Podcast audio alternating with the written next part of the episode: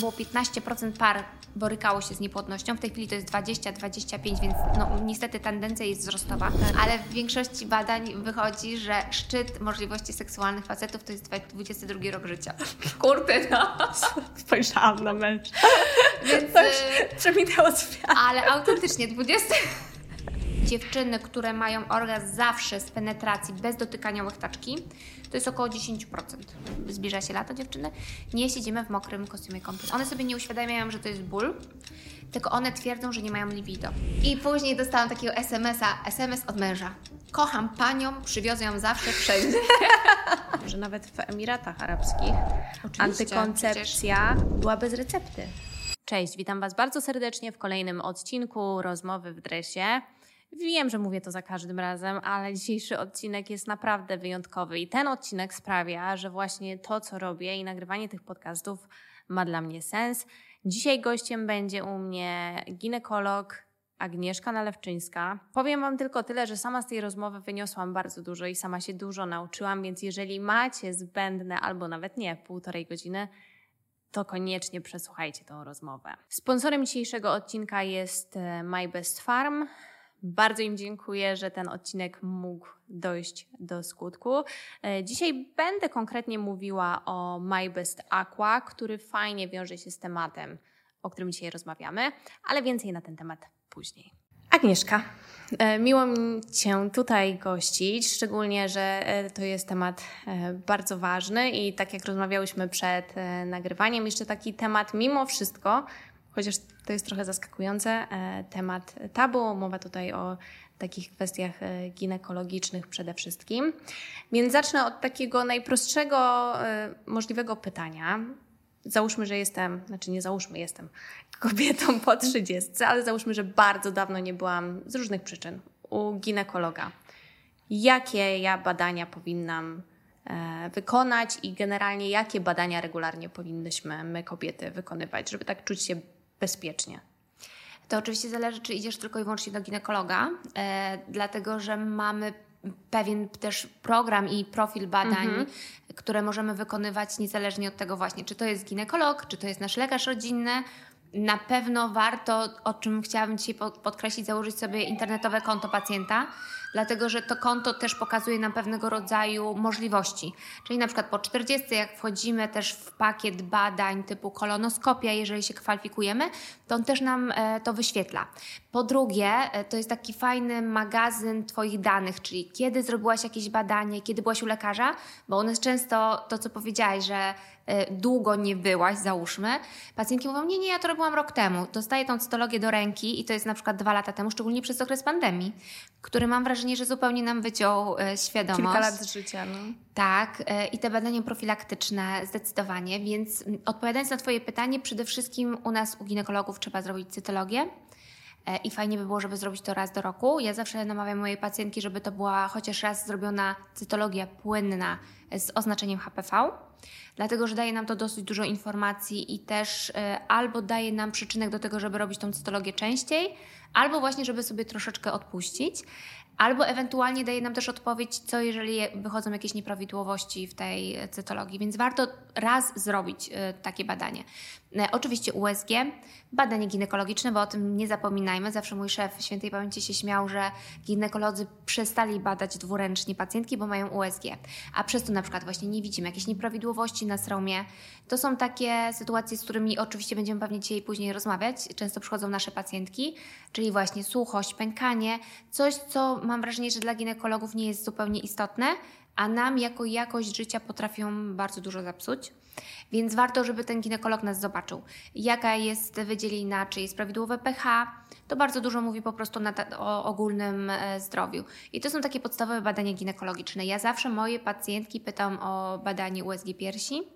Dużo dziewczyn jest po e, powiększeniu, więc wtedy to też moja radiolożka zawsze mówi, że w takiej sytuacji trzeba sobie w tą koszt operacji wpisać też od czasu do czasu zrobienie USG. rezonansu. No, rezonansu nawet. Tak, o. bo nie każdy robi dobrze USG, e, dlatego że implanty mogą być większe, tej tkanki gruczowej może być mniej, ona jest trochę uciśnięta, więc od czasu do czasu rzeczywiście czasami trzeba zrobić rezonans. Albo ja już są... się widzisz, czegoś nauczyłam dzisiaj no dla widzisz. siebie.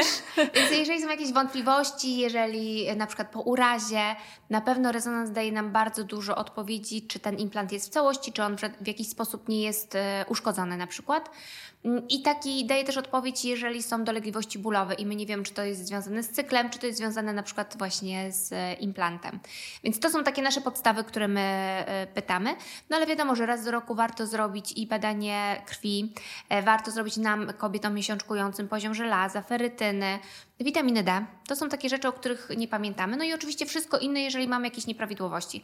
Ja na swoim Instagramie od czasu do czasu dziewczynom przypominam, mamy na stronie taki właśnie kalendarz zdrowia kobiety. E, co trzeba zrobić, w jakim odstępie czasu. Pamiętajmy też o wszelkiego rodzaju znamionach. To też badamy teoretycznie raz do mhm. roku. No i przegląd stomatologiczny. Tak? O tym się nie pamięta, ale okay. ten przegląd trzeba zrobić. I już kończę, bo wiem, że mam nie, słowo. To... Nie, to jest, wiesz, to w ogóle mega ciekawe. Ale bardzo ważne, na przykład moje pacjentki sobie ustalają, że robią sobie te badania na przykład y, na dzień mamy, na Dzień Kobiet, wiesz, żebyś miała taką datę, która wiesz, że się Pamiętasz. zbliża. Tak, bo jeżeli sobie robisz coś na przykład właśnie, nie wiem, raz w roku, to łatwo powiedzieć, tak, to było na wiosnę, a później się okazuje, że to było lato jeszcze poprzednie albo tam e, bardzo pogodna jesień, więc pacjentki nie pamiętają, kiedy robiły. Fajne są segregatory, takie właśnie zdrowia kobiety i to na przykład mama właśnie, mama ginekolog mi się to strasznie podobało, że po prostu wpisujesz sobie datę i później łatwo do tego wrócić. wrócić. Albo na urodziny. I to są też takie daty, które dziewczyny pamiętają, że a, muszę sobie pójść na tak zwany przegląd. No tak, bo mm, jako kobieta, która dopiero co tak na, no, rok temu była w ciąży, to w ciąży te segregatory to jest takie normalne tak, i popularne, bo nie? dbamy o kogoś innego, nie? Tak, mhm. a jak przychodzi właśnie do takiego dbania o, o siebie samą, to trochę to wszystko schodzi często e, na drugi plan, więc jest to fajny pomysł, żeby rzeczywiście mieć to w jednym miejscu i żeby nie zapominać, e, kiedy się rzeczywiście te badania zrobiło. I może to brzmieć, że to jest dużo, ale w gruncie rzeczy pewnie można to w ciągu dwóch, trzech wizyt u lekarza załatwić. Ale oczywiście, wiadomo, część rzeczy może w ogóle zlecić lekarz pierwszego kontaktu. Dużo moich pacjentek o tym nie pamięta, no bo umówmy się, praktycznie taka przeglądowa służba zdrowia w Polsce jest raczej prywatna. Bardzo mało moich pacjentek chodzi na, do ginekologa na NFZ, no bo on jest trudno dostępny. Jasne. Część tych badań też jest niedostępna, na przykład cytologia płynna, HPV, e, ale to, co możemy korzystać, to warto w ogóle zapisać się do, do mieć swojego takiego lekarza pierwszego kontaktu, bo on może dać nam wiele skierowań. Ale teraz też jest taki plus, że jest wiele laboratoriów, które robią e, badania tak na dobrą sprawę od ręki i też na szczęście nie są takie drogie. Kiedyś to one rzeczywiście kosztowały majątek. No a teraz i my mamy różnego rodzaju pakiety, więc możemy pacjentkom zlecić już nie za taką dużą sumę pieniędzy. Tak, dokładnie, no bo wiadomo, że, e, że to też się wiąże z jakimiś tam kosztami, ale z drugiej strony na czym jak na czym, ale na zdrowiu e, nie warto i nie powinno się no nie powinno się, bo później sumarycznie to wychodzi drożej, nie? Tak. Zanim przejdziemy jeszcze do tych e, takich e, konkretniejszych pytań, to jeszcze z takich bardzo edukacyjnych, mm, na, pytanie, na które wpadłam w sumie przed tym podcastem i nawet go wcześniej nie, nie, nie, gdzieś tam nie udostępniałam, to tak sobie pomyślałam, że ja, bo to mówię ze swojego doświadczenia, jako kobieta, do czasu jak zaszłam w ciążę, nie miałam zielonego pojęcia, o swoim, nic nie wiedziałam o swoim cyklu. W mhm. sensie wiedziałam, że istnieje takie słowo jak cykl. Szłam do ginekologa, zazwyczaj było pytanie, ile, jaki jest e, czas trwania mhm. pani cyklu. Nigdy nie wiedziałam. I dopiero zaczęłam się tym interesować, jak chciałam zajść w ciążę z wiadomych mhm. e, przyczyn. To co mężczyźni i kobiety też, bo jak widać po moim przypadku to nie jest e, coś, e, co jest takie oczywiste, powinni wiedzieć o cyklu kobiety. W takim sensie na przykład, kiedy, kiedy to ma mocniej wpływ na jakąś naszą psychikę, że jesteśmy, nie wiem, bardziej zmęczone albo że na przykład jesteśmy bardziej wrażliwe, podirytowane. Jakby co jest takiego istotnego generalnie w kontekście cyklu kobiety? E, to bardzo dużo zależy w ogóle od, od kobiety. Ja się śmieję, że jestem takim typem męskim, bo ja w ogóle nie mam wahań nastrojów, nie mam PMS-u, przynajmniej twierdzę, że nie mam PMS-u, ale mój mąż twierdzi, że rzeczywiście. E, I cykl nigdy jakby nie jest dla mnie różnorodny i też nie mam, mm, nie wiem, zaburzeń wydolności i tak dalej. Natomiast ja jako ogromna fatka TikToku uwielbiam taki, e, takiego różnego rodzaju wizualizacje, że właśnie dziewczyny pokazują w zależności od cyklu, jak wyglądają. No, na przykład zaraz po miesiączce człowiek odżywa żywa. Mm. Później w okolicy mm, owulacji jesteś w najlepszym swoim momencie, no bo teoretycznie mm, tak atawistycznie powinnaś być stworzona wtedy do prokreacji, czyli jesteś Dokładnie. tą samiczką ubraną w piękne piórka i czekasz na partnera. I kusisz. Straszne to jest, tak, ale takie jest prawdziwe. I wtedy rzeczywiście jest szczyt wydolności, czyli szczyt wydolności seksualnej, zdrowotnej, samopoczucia. Później trochę pikujemy oczywiście w dół do tego okresu, no i wtedy ten sławetny PMS, czyli takie zaburzenia często i dysforyczne, czyli masz spadek nastroju, różnego rodzaju zachcianki. A no może te, te, te, zachcianki sobie zawsze tłumaczę, nie, że to jest przed okresem. Przed okresem. Ale rzeczywiście e, te, te, wszystkie właśnie inne filmiki, że facet jest przygotowany na twój okres, bo ma czekoladę, e, painkillers, czyli wszystkiego rodzaju NLPZ-y, to też jest fajne, bo to jakby świadczy o partnerstwie, tak? Jasne. Mm, z drugiej strony bardzo nie lubię takiego zrzucania na to, że a, jesteś foszasta, bo ty masz zaraz, nie wiem, zaraz będziesz miała okres, nie? No tak. Okropne to jest, bo tak. oczywiście wiadomo, że my mamy zaburzenia cyklu, ale z drugiej strony, jak świadomie decydujesz się na życie z kobietą, to powinnaś na to pisać. No tak? niestety, albo stety. No, Co wcale tak. nie znaczy, że dwie kobiety jakby lepiej funkcjonują, jeżeli chodzi o lesbijki, no bo też te okresy podobno się regulują e, i, i, masz w bardzo podobnym e, czasie. Natomiast, no wiadomo, jak jesteś drugim człowiekiem, powinnaś być e, przygotowany, ale tak jest. Z drugiej strony, i to na przykład w tej chwili tłumaczę mojemu mężowi, bo mamy też córkę, która prędzej czy później będzie miesiączkować. Dla mężczyzn, i myślę, że to będzie pewnego rodzaju odkrywczość, dla nich to jest jakby naturalne, ale nie zdają sobie sprawy, że jesteśmy osobą, która 7 dni w miesiącu krwawi. Umówmy się, to nie jest normalne. Ja nie. uważam, że to jest tak stygmatyzujące dla nas kobiet. E, ja teraz to widzę z, też z drugiej strony, jak przychodzą mamy, czyli już moje pacjentki, które były moimi tak, pacjentkami. Z, z córkami. Z córkami i na przykład mówią, pani doktor, ona jedzie na obóz i cały obóz ona będzie miała miesiączkę, a to jest obóz sportowy. Mm. I wiesz, no to jest, to jest strasznie. Ja uważam, że to jest tak nieuczciwe w stosunku do nas. Wiesz, my y, wyrosłyśmy z tym i, e, i to jakby przesiąkło i to się wydaje normalne, ale to nie jest normalne. To bardzo nas ogranicza. I wiesz, i tłumaczenie, że oczywiście można założyć tampon. Nie każda dziewczynka chce założyć tampon. Teraz jest bardzo dużo fajnych rozwiązań, na przykład są majtki menstruacyjne, w ogóle game changer uważam, ale też kostiumy. Naprawdę? Tak, kostiumy, które mają, to tak jak piluszkę zakładasz dziecku, Aha. nie? Że idzie na basen. Okay. To tak samo i są fajne kostiumy z taką wkładką, czyli... Już gotowe. Tak, nie jesteś naznaczona, że masz okres i nie siedzisz, wiesz, w spodenkach na plaży. No straszne to jest, nie? No. Więc... Ja y, pamiętam, jak to właśnie było być y, nastolatką, nie? I, i doświadczać jakichś takich dziwnych. Y, dziwnych Ale w ogóle sytuacji. krwawienie w nocy, tak. budzisz się rano, ta bielizna może być brudna, pościel może wiesz, śpisz u kogoś, no uważam, że to naprawdę natura bardzo źle to wymyśliła. Tak. I, i, I, to jest to jakby najgorsze. I tak myślę o tym, jak ja będę wprowadzać w to córkę, jaką ona będzie mieć frustrację, bo młodsze pokolenie jest teraz trochę inne. Na, u nas to po prostu nikt z nami nie dyskutował, nie? Po prostu tak jest, nie? Po prostu tak jest i nas tak trochę z tym zostawiano, nie? Uczono nas, jak trzeba prać tą bieliznę i w ogóle, no straszne to jest, no, no ale tak. No, tak. A są przecież kraje już, e, teraz nie, nie będę przytaczać, bo żebym nie skłamała, gdzie, gdzie tak jest, że przecież istnieje coś takiego jak dni wolne, na przykład od pracy, nie? Mhm. E, które można sobie wziąć, bo e, i to z tego co wiem, to można je wybrać tak naprawdę w dowolnym momencie, czy, czy, czy chwilę przed miesiączką, czy, tak. czy w trakcie. I to też jest fajne rozwiązanie, bo tak jak mówisz, no, nie, nie jest to jakaś taka e, ani przyjemna, ani, ani typowa sytuacja, tak? I jednak to jest 7 dni, no trochę wyjętych z życia. Wyjętych bardzo I, i, pamiętam, że chyba pierwszy raz tak się nad tym zastanowiłam, e, jak oglądałam South Park i tam jeden z chłopców mówi nie ufam niczemu, co krwawi 8 dni miesiącu nie zdycha. Straszne, nie? E, tak, ale jest to jednym z takich e, najbardziej stygmatyzujących białe spodnie. To się tak wydaje, ale... Tak. W jak, jak dużym stopniu nas to ogranicza? ogranicza. E, no właśnie, e, mówiąc o tym, że mm, kiedyś to było takie normalne, w sensie, że mm, się nad tym tak człowiek nie zastanawiał, jakby mamy też tego jakoś tak specjalnie nie, nie tłumaczyły, że teraz pokolenie jest trochę inne, to tak płynnie przejdziemy do e, kolejnego pytania, bo mm, bardzo się normalizowało, nie wiem jak to jest teraz, pamiętam jak to było, jak ja byłam nastolatką, że ból związany z miesiączką to jest po prostu zupełnie coś e, naturalnego i z tym jakby trzeba żyć, zacisnąć zęby. No i mamy teraz endometriozę, która z mojej obserwacji, takiej mm, social mediów, e, staje się coraz bardziej popularna, ale pewnie nie jest, brzydko mówiąc, ale pewnie nie jest coraz bardziej popularna, tylko po prostu jest coraz więcej osób diagnozowanych. Mhm. Mm. No to jeżeli podejrzewamy u siebie endometriozę, mm, to jakie sygnały powinny być dla nas alarmujące? Bo jakiś tam ból w trakcie miesiączki jest normalny, tak? Ale nie, nie taki ból, że nie wiem, lejemy, tak? I nie jesteśmy w stanie, w stanie funkcjonować. Tak. Y, raczej normalizujemy ból typu dyskomfort.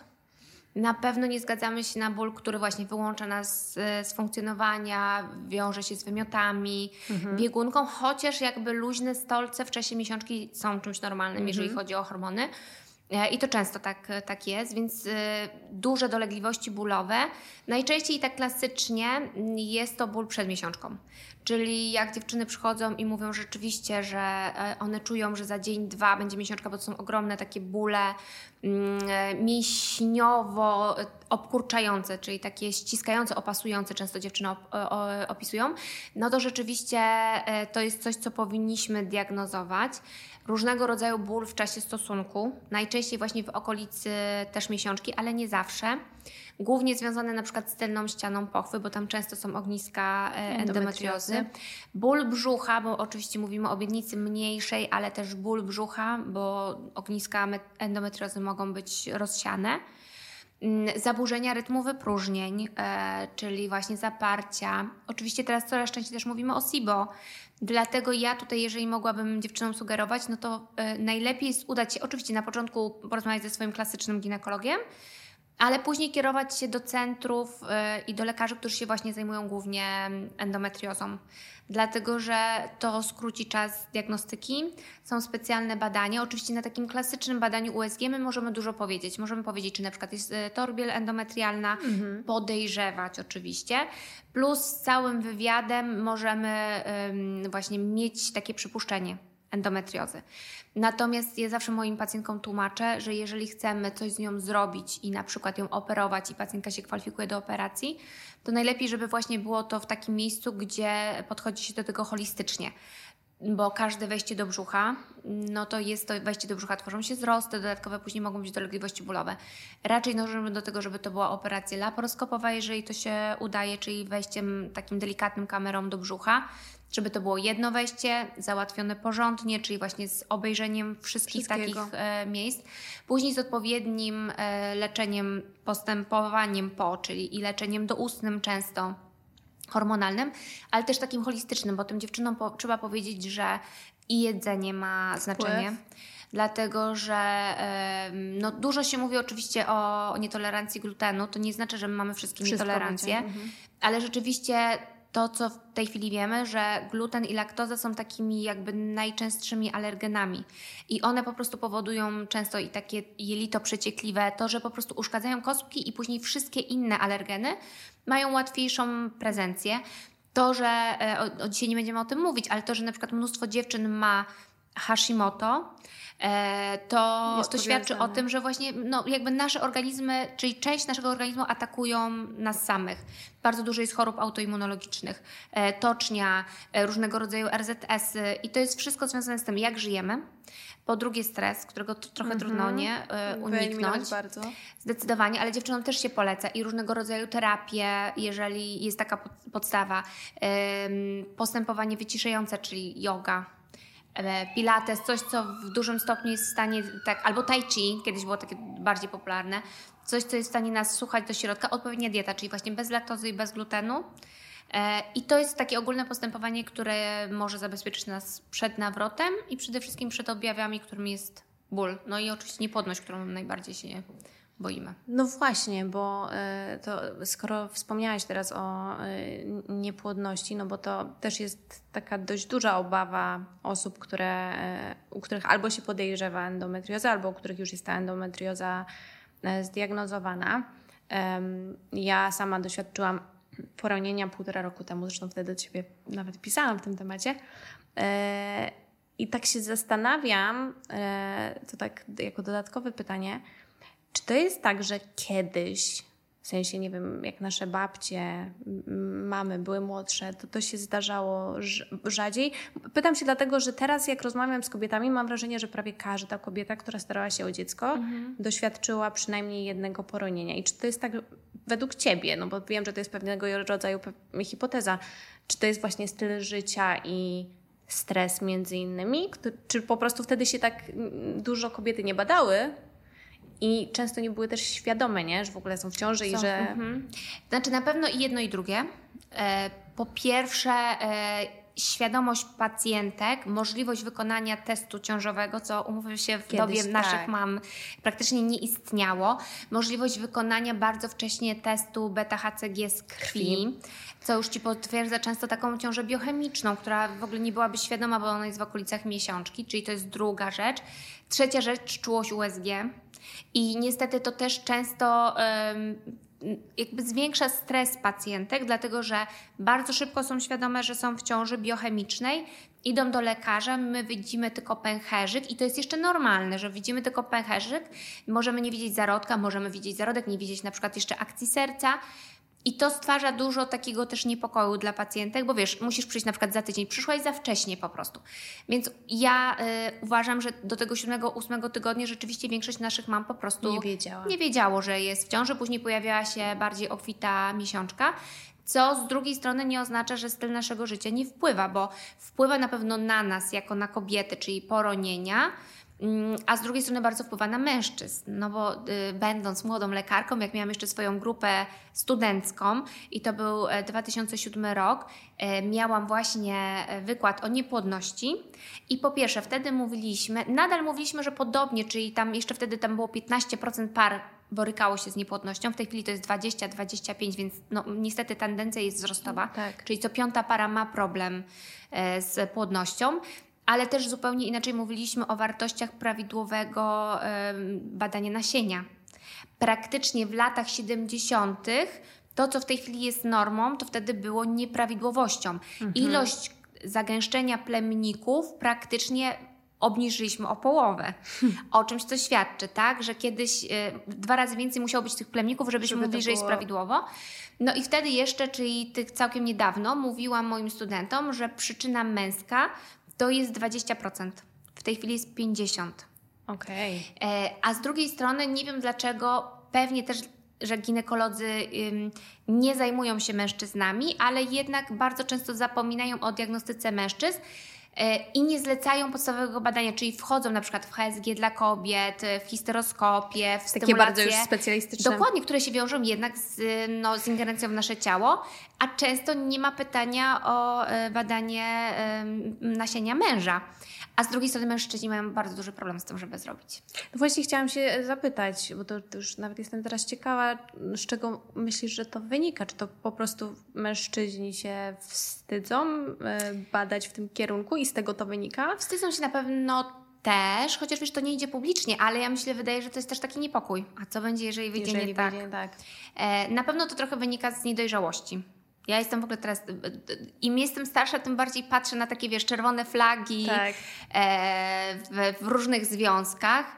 I wydaje mi się, że, no wiesz, jeżeli jesteśmy w tym razem e, i często jest tak, że a miałam taką sytuację, że moja pacjentka naprawdę e, przeszła, już później mi opowiadała różne badania, łącznie z tym, że, że wiesz, była absolutnie zdrowa, e, a partner jakby nie zrobił badania, znaczy powiedział jej, że wszystko jest ok, a w badaniu się okazało, że on miał nieprawidłowy e, mhm. nasienie, które praktycznie uniemożliwiało zajście w ciążę, a, a u niej to się skończyło praktycznie terapią, no bo wiesz, jest zdrowa, oni współżyją, co uważam, że to jest w ogóle mm, czymś nie, niepojętym w związku. To taka trauma już trochę można było... Ale wiesz, on patrzył na to, jak ona przychodzi, inwazyjne badania, cierpi, wiedząc, że to jest y, u niego problem. No Więc tak. jest to dużo, dużego rodzaju stopnia niedojrzałość, ale z drugiej strony jest dużo fajnych facetów, które nie ma absolutnie Nie, no jasne, problemu. ale to, to, tak, to taka, mój mąż ma taką teorię też odnośnie y, Hashimoto, bo mój mąż choruje na Hashimoto, co mhm. jest teoretycznie nietypowe, tak, żeby mężczyźni. mężczyźni, ale właśnie e, twierdzi po prostu, że też mężczyźni się po prostu dużo rzadziej badają. Że kobiety jednak e, mają jakąś taką mimo wszystko naturalnie wykształconą e, potrzebę pójścia do lekarza, zbadania się, a, a mężczyźni jakoś mam wrażenie, i pewnie coś w tym jest, że jednak dużo rzadziej chodzą do lekarza. Szczególnie, że u nas się dużo, wiesz, mówi, na przykład jesteś ospała, zrób tarczycę, tak. nie? Albo e, przytyłaś, zrób tarczycę, tak. nie? A mężczyznom się pewnie tego tak nie mówi, więc... Dokładnie.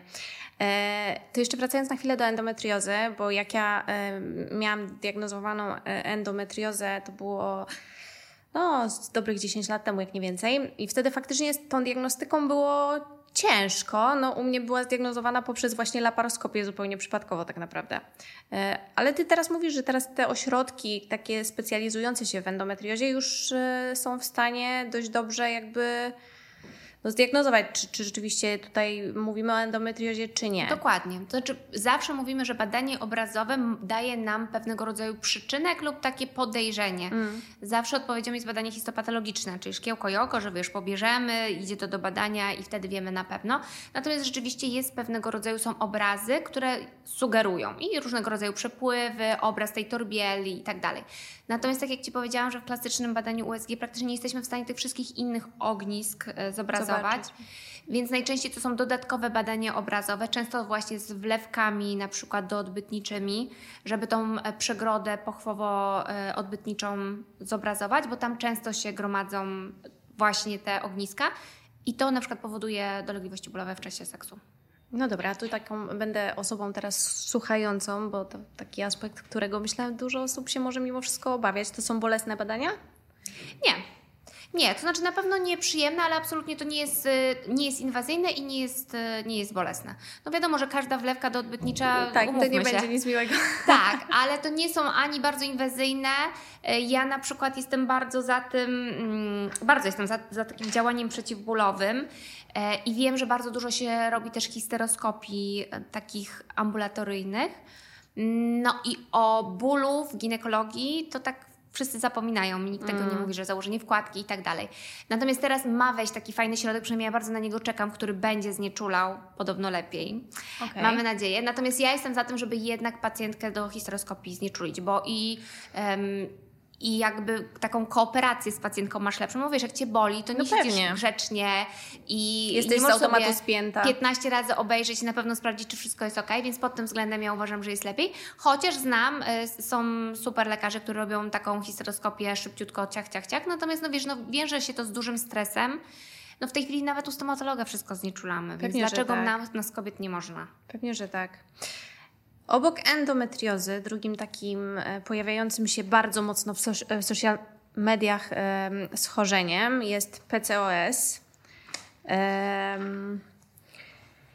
No, gdzieś tam mam też, znaczy ja nie choruję, ale gdzieś tam jakoś mam doświadczenia. Co jest taką rzeczą, która e, tutaj będzie bardzo istotna, w sensie w diagnostyce i w leczeniu? E, jak tutaj można sobie pomóc? Bo bo wiem, że właśnie jest też uciążliwa też ze względu na to, że to się często łączy, łączy z jakąś tam insulinoopornością. Mhm. Często e, oczywiście to sprawia, że kobieta się czuje nieatrakcyjna, bo ciężko jest jej zrzucić jakieś tam e, zbędne kilogramy.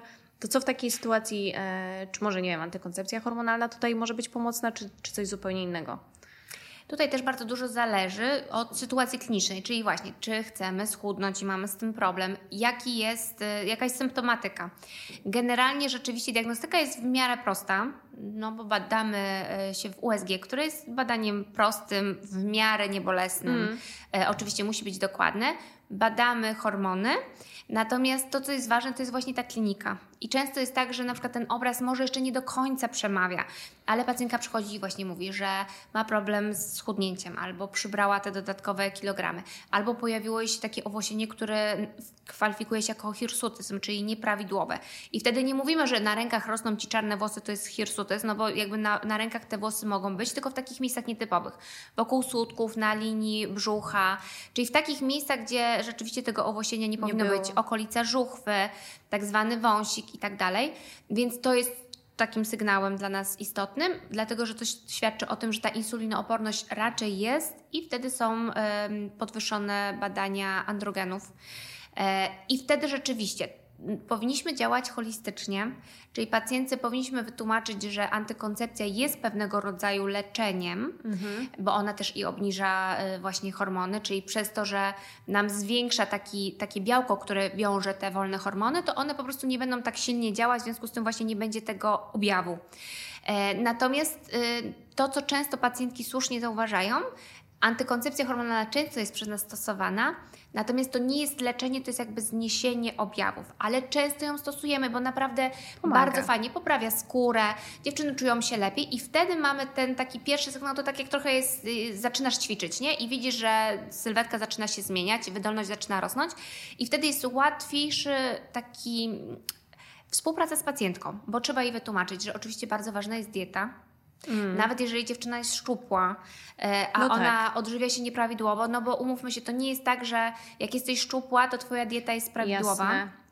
Więc trzeba oczywiście sprawdzić tą insulinooporność, czyli robimy krzywą obciążenia, e, e, która jest teraz bardzo naprawdę fajnie dostępna w różnych mhm. laboratoriach. To jest dla nas bardzo ważne i oczywiście ruch. No tak. Tak ruch, który zwiększa jakby no, ten odbiór e, glukozy, e, e, zmienia wyrzut insuliny. Naprawdę ruch i dieta potrafi zrobić bardzo dużo. I wtedy wspomagamy się, jeżeli jest taka potrzeba, leczeniem farmaceutycznym, a czasami jesteśmy w stanie go odstawić i I w ogóle, żeby nie, nie, nie było, tak, nie ma wtedy takiej potrzeby. A teraz kilka słów od naszego sponsora. Myślę, że każda kobieta przynajmniej raz w życiu borykała się z zatrzymaniem wody w organizmie, z obrzękami, e, z problemami związanymi ze zbliżającą się miesiączką. Dlatego dzisiaj Wam mówię o produkcie My Best Aqua. Jest to suplement, który wspiera usuwanie wody z organizmu i sprawia, że nasz komfort w trakcie e, cyklu menstruacyjnego jest dużo większy i o tym też wspomnimy, wspominamy dzisiaj właśnie w tej rozmowie. Jest to suplement, który pomaga nam utrzymać stałą masę ciała, wspiera funkcjonowanie naszego układu moczowego. My Best Aqua stała się moim najlepszym przyjacielem w trakcie e, cyklu menstruacyjnego, więc jeżeli się zastanawiałyście, czy wypróbować, to ja serdecznie polecam. A teraz już wracamy do rozmowy. No dobra, to taka teraz jeszcze bardziej popularna rzecz, mm, bo i PCOS, i endometrioza, one się e, pojawiają coraz, coraz częściej, ale myślę, że każda kobieta może się utożsamić ze słowem infekcje intymne. W sensie, no, nie chce mi się wierzyć, że, że chociaż raz w życiu każda z nas nie doświadczyła tego jakże nieprzyjemnego doświadczenia.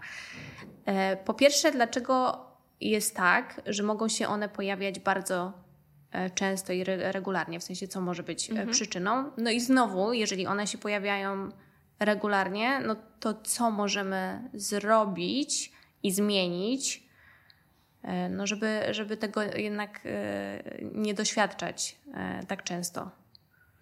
Przede wszystkim kwestia jest taka w moim odbiorze pacjentek, że nam nikt nie dał takiej instrukcji, na przykład jak się myć. No właśnie, to jest takie niby proste. Pozornie proste, nie? Powinno być w szkole tak naprawdę. Powinno być w szkole, na, naprawdę powinno być w szkole. E, ja w szkole mojego dziecka e, zrobiłam dla jego klasy i klasy równoległej takie instrukcje menstruacyjne i w międzyczasie przemyciłam te podstawy, no bo wiadomo, że miesiączka będzie takim e, zapalnikiem do tego, żeby się chochlować, wiesz, tak. bo krwawisz i, i tak dalej no, coś w tym jest, że częste mycie skraca życie. To nie chodzi o to, żeby się nie myć, tylko żeby myć się z głową. Przede wszystkim trzeba rozróżnić, że e, srom ma i skórę, i śluzówkę. I tą skórę jakby najbardziej myjemy i możemy myć e, płynem do higieny intymnej. To wszystko jest jakby najbardziej prawidłowe. I nawet trzeba go kremować, to też jest istotne. Patrz, Natomiast, się czegoś nauczyłam. No, naprawdę trzeba, bo jeszcze jesteś młoda, jeszcze tego nie doświadczyłaś, ale trzeba. Tak jak mamy, nie wiem, kremy już w tej chwili do łokci do skórek, do wszystkiego, tak? Do Szyja i tak dalej. Mamy też kremy do sromu, one są dużo mniej popularne, ale one naprawdę fajnie działają. Nawet widziałam u Ciebie e, na Instagramie, o to chciałam się zupełnie na końcu zapytać bardziej dla siebie, że nawet są takie e, zabiegi medycyny estetycznej, jak chyba mhm. kwas hialuronowy, prawda? Tak. To był kwas hialuronowy. Tak, to jest kwas hialuronowy. I to też może gdzieś tam pomagać w niektórych rzeczach. Oczywiście i nawilżać, znaczy do ginekologii estetycznej mam nadzieję, że zaraz przejdziemy, tak. bo ona tak. jest bardzo ciekawa. Natomiast ja bardzo bym chciała. taką taką granicą, to co mogę powiedzieć, oprócz tego, że dziewczyny mogą oczywiście wskoczyć na mój Instagram i zobaczyć taką mm. jakby instrukcję, ale granicą to jest ta warga mniejsza, czyli która jest w środku i warga większa. Jest rowek pomiędzy nimi i ten rowek jeszcze możemy spokojnie sobie umyć przy założeniu, że domkniemy wargi mniejsze, czyli nie będziemy wlewać niczego do pochwy, mm-hmm. bo tam już jest śluzówka i zaraz o tym Wam więcej powiem. Możemy odchylić kapturek łechtaczki, tam się zbiera mastka i pomiędzy tymi wargami zbiera się mastka, czyli jak najbardziej można to ładnie sobie umyć, spłukać wodą. Część dziewczyn, które rzeczywiście przechodzi takie odnowienie, czyli przychodzą do nas z tymi częstymi infekcjami i ja siadam i mówię tak, po pierwsze, tak się myjemy, po drugie, jeżeli nie wiesz, jak stosować płyn do higieny intymnej, to po prostu stosuj wodę i to jest, wiesz, bezpieczniejsze. Też, tak, bezpieczniejsze, przynajmniej na początku, tak? Po trzecie, nie stosuj wkładek na co dzień. W ogóle nazwa wkładka higieniczna uważam, że to jest najlepszy kiedyś strzał Oksymoron, marketingowy, co? bo wszystkie dziewczyny nosiły wkładki higieniczne. E, po czwarte, wiesz, nie myj się za często i właśnie nie, nie wprowadzaj wody ani niczego do pochwy. No pochwa jest do tego, że ona się sama sobie oczyści i tak samo się oczyści ze spermy, oczyści się z miesiączki, z krwi, w ogóle ze wszystkiego.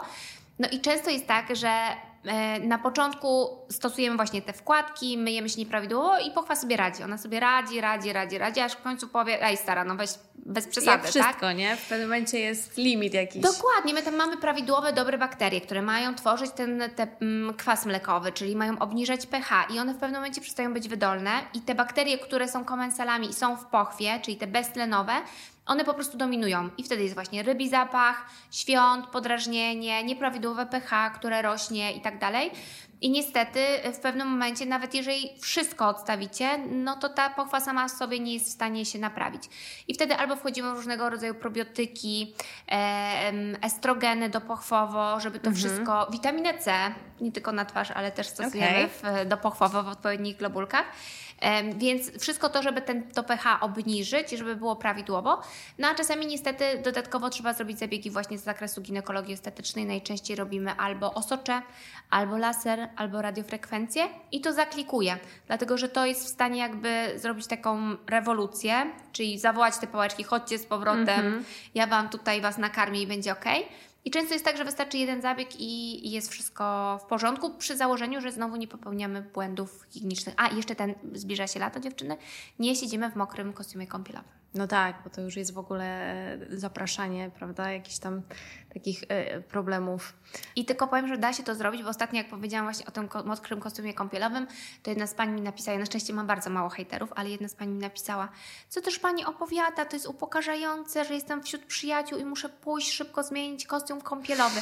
Ja mówię, ale to woli Pani infekcję? A on, tak, to ja już wolę infekcję. I sobie pomyślałam, kurczę, co to za przyjaciele, że przy nich nie można, ale to nie trzeba przecież informować, przepraszam bardzo, ja zaraz będę miała infekcję, to idę zmienić, wiesz, tylko normalnie sobie idziesz, zmieniasz kostium, no kurczę, zmieniamy sukienki na weselu, to jest już bardziej takie, wiesz, tak. e, ostentacyjne, a jak zmienisz kostium, to jest najczęściej, to nikt tego nie zauważy, że masz inny kostium. No który mąż czy partner zobaczy, że masz inny kostium kąpielowy, nie? Jednak, może Pani nie doświadczyła nigdy infekcji intymnej, bo jednak może. wolę zmiany znaczy, kostium. Ona właśnie doświadczyła, bo ona jakby zadała to pytanie, co robić, więc jak dostała gotową odpowiedź, no i to było dla mnie takie bardzo szokujące, szczególnie, że dla mnie to było odkrywcze, naprawdę. Ten, e, tak jak kiedyś, jednak e, taka świadomość ludowa, czyli nie sieć na zimnie, bo dostaniesz wilka, wilka nie? Tak. Oczywiście y, zdrowa pochwa, bo umówmy się, y, ja też popełniałam bardzo dużo błędów higienicznych.